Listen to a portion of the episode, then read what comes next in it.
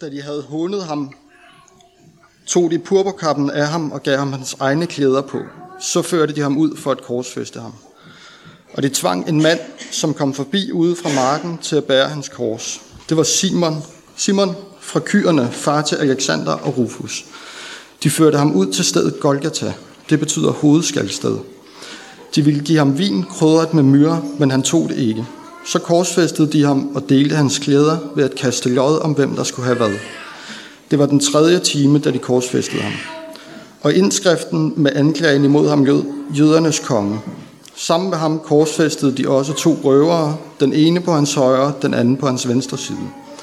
Således gik det skriftord i opfyldelse, som siger, at han blev regnet blandt lovbrydere.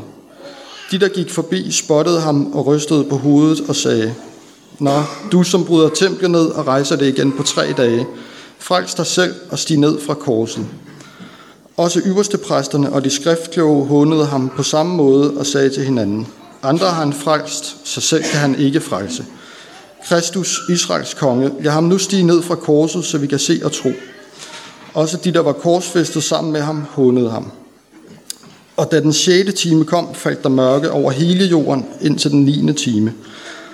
Og ved den 9. time råbte Jesus med høj røst, Eloi, Eloi, lama sabachthani. Det betyder, min Gud, min Gud, hvorfor har du forladt mig? Nogle af dem, som stod der og hørte det, sagde, hør, han kalder på Elias. Så løb en hen og fyldte en svamp med eddike, satte den på en stang og gav ham noget at drikke, i det han sagde, lad os se, om Elias kommer og tager ham ned. Men Jesus udstødte et højt skrig og udåndede, og forhænget i templet flængedes i to dele fra øverst til nederst. Da officeren, som stod lige over for ham, så, at han udåndede sådan, sagde han, sandelig, den mand var Guds søn. Jeg skal læse fra Isaias bog, kapitel 52, vers 13-53, 12. Herrens lidende tjener. Se min tjener for lykken med sig.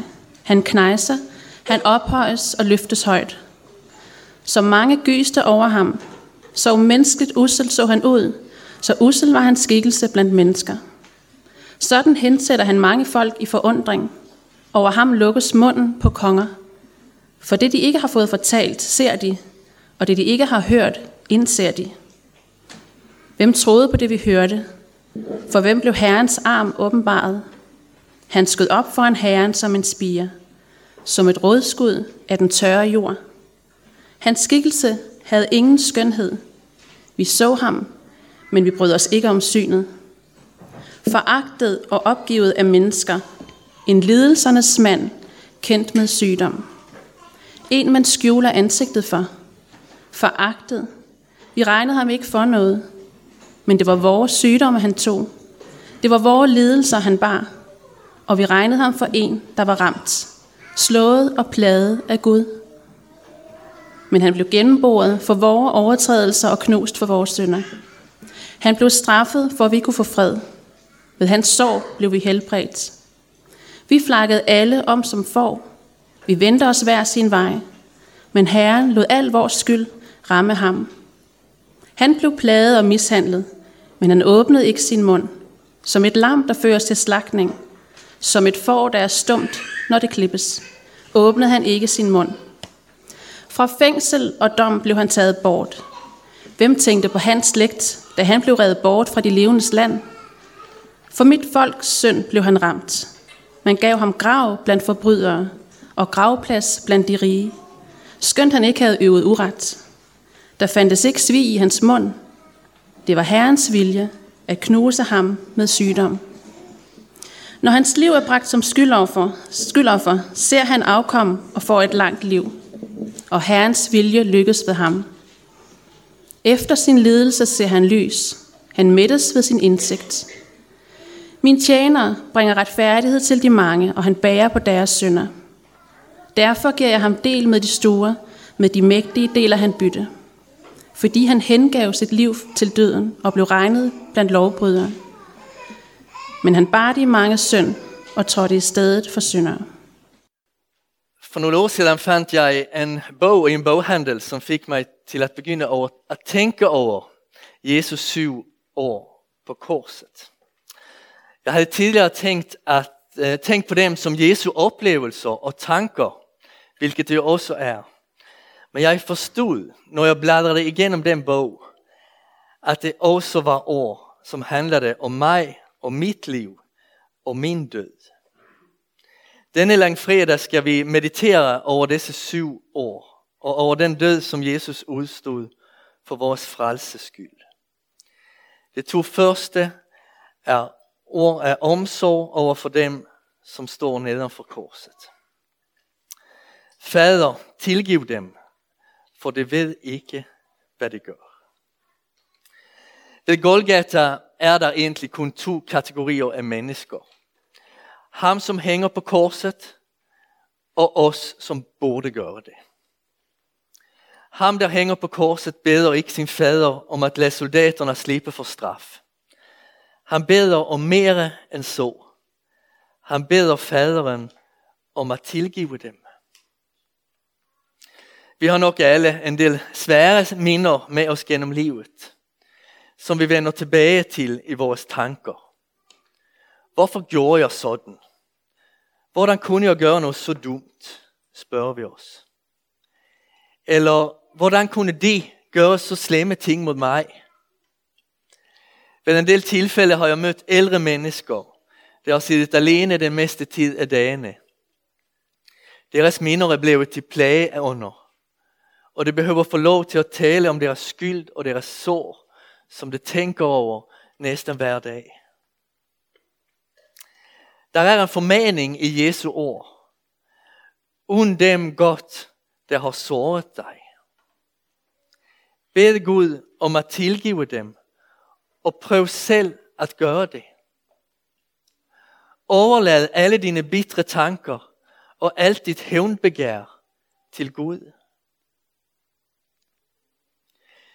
Jesu ord til faderen er også en bøn om, hvad han skal gøre med os, med vores skyld. Fader, tilgiv dem. Faderen kan gøre det, fordi det sønnen har taget vores skyld på sig.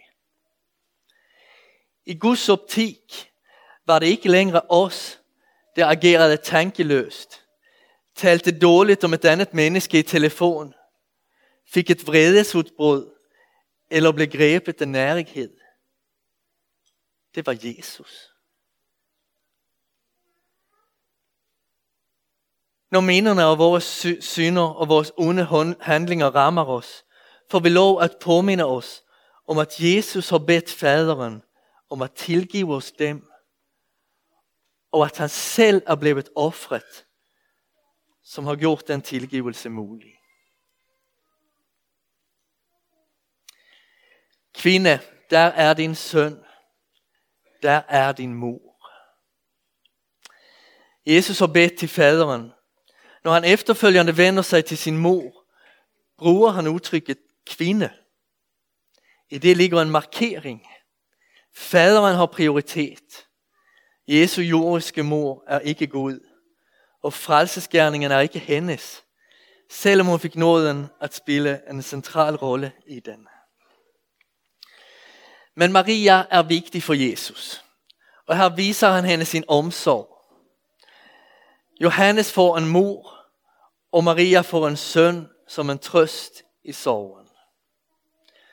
Johannes skal forsvare Maria og tage ansvar for at forsørge hende. Vi tænker indimellem på, hvordan det skal gå for andre i livet. Og med tiden stiller vi spørgsmålene alt oftere. Hvordan skal det gå for mine børn?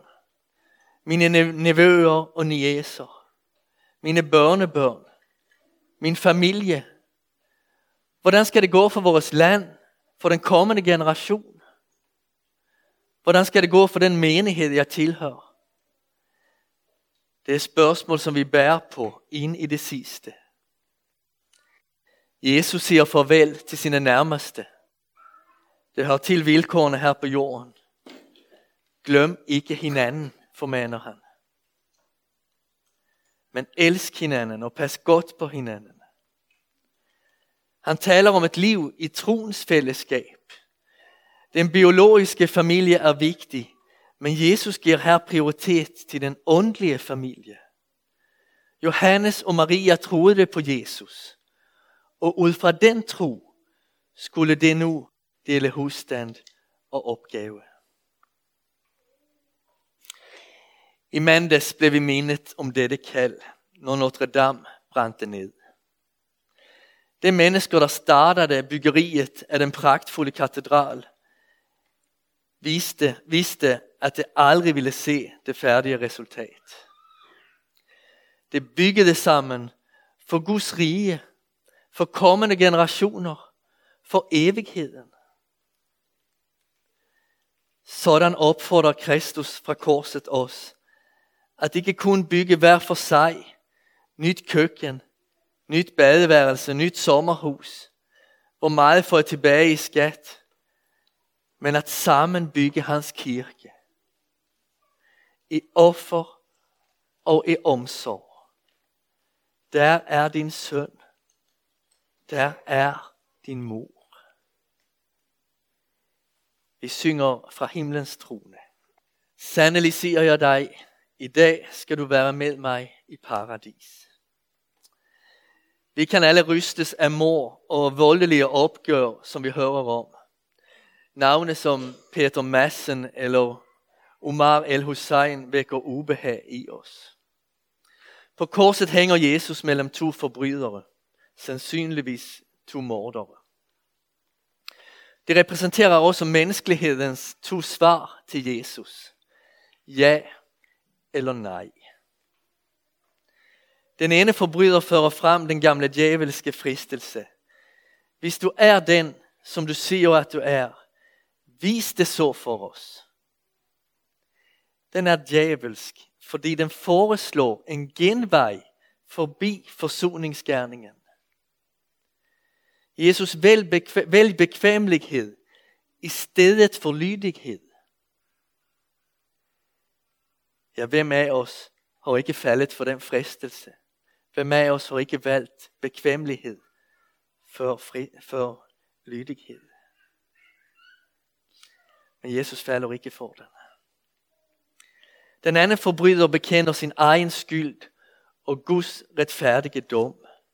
Frygter du ikke engang Gud, du som har fået den samme dom? Og vi har fået den med rette. Vi får kun løn som for skyld, men han har intet ondt gjort. Denne dømte forbryder beder ikke Jesus om en tryllekunst, som kan tage dem begge ud af kattepinen. Det han beder om er en god relation til Jesus. Jesus, husk mig, når du kommer i dit rige. Jesu disciple havde ikke formået at våge sammen med ham i Gethsemane have. Men det gør forbryderen på hans højre side. Det er næsten, at man kan fornemme, at mandens ord mildner Jesu plage. Han håner ham ikke, eller vandærer ham, som så mange andre, men erkender, at han behøver Jesus, og at han aner sandheden om ham. For mig er det en påmindelse om aldrig at udelukke, at et menneske kan ane sandheden. Det havde man slet ikke troet, at denne forbryder gjorde. Men det gjorde han altså. Pladsen ved Jesu højre side her på jorden blev forbryderens, fordi han fortrød sit brud og troede. Det er langfredags lyseste øjeblik, når Jesus svarer ham, i dag skal du være med mig i paradis. Man dør ikke af at dø. Det får forbryderen at vide her, timerne før han udånder. Man dør ikke af at dø. Den, der tror på Kristus, skal få lov at, at møde ham i paradis. Intet kan berolige en kristen, der nærmer sig døden, som det løfte. Du skal være med mig i paradis. I dag bliver vi ved korset. Men korset er ikke slutningen.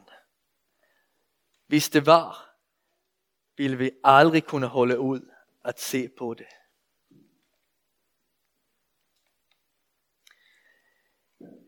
Min Gud, min Gud, hvorfor har du forladt mig? Når modgange kommer i vores liv, er det lige før, at vi begynder at tænke på en måde, som vi aldrig ville tænke på, hvis det handlede om en anden. Vi beder om Guds hjælp. Under månederne og årene går, og vi ikke synes, at han svarer, begynder vi at tænke, at han står imod os. At han er skuffet over os. At han har et modstand imod os. Imod os. Vi ville aldrig tænke, at det offer for krigen i Syrien, det har mistet alt, er forladt af Gud. Men når det er os selv, der bliver ramt, kommer den slags tanker, og livet bliver nogle gange rigtig mørkt og truende. Hvad trænger vi til, når vi oplever os forladt af Gud? Selvfølgelig at få lov til at tale om den erfaring. Hvornår startede den? Hvordan opleves den? Hvad er det, der gør, at vi tænker om det sådan, som vi nu gør? Men vi behøver også få lov til at høre, at Jesus har været forladt, forladt, sådan at vi ikke måtte blive det. Selvfølgelig blev Jesus aldrig reelt forladt, sådan at han ikke mere var forenet med faderen og heligånden. Men Jesus smagte den guddommelige overladelse i dybden af sin menneskelige natur. Han måtte opleve forladtheden. Hvorfor måtte Jesus det? En, der stillede sig det spørgsmål, var den verdensberømte fysiker Niels Bohr. Og det her har mine konfirmander allerede hørt mig fortælle om. Det skete ved det tilfælde, at hans søn stjal fra købmanden. Man ringede til Nils og fortalte, at man havde fanget sønnen, og selvfølgelig nu ville snakke med hans forældre om det, han havde gjort. Nils Bohr fortæller, at hans første reaktion, da, han, da det ringede ham, var en enorm vrede. Hvordan kunne hans søn være så dum? Hvordan kunne han begå sig på sådan en idiotisk måde? I næste øjeblik gik det op for Nils Bohr, hvor meget han elskede sin søn. Så fortæller han, at han pludselig forstod, hvad det kristne mente, når det talte om korset. En Gud, som er rasende på al verdens ondskab, og som lader den vrede gå ud over sin søn. Men en fader, som samtidig elsker verden, og som lader sønnen vise verden, verden den offrende kærlighed. Jesus havde faderens velbehag. Han var dybt elsket, og faderen var fuldstændig tilfreds med ham. Men i sin død tog Jesus på sig noget så omfattende og uhyggeligt, som alle menneskers al ondskab i alle tider, og oplevede faderens vrede over den. Det var denne erfaring af en negativ relation til faderen, der skabte det angstfulde råb. Min Gud, min Gud, hvorfor har du forladt mig? Og det mørke, der faldt over jorden, der blev jo en sandstorm ved den tilfælde, Jesus hang på korset.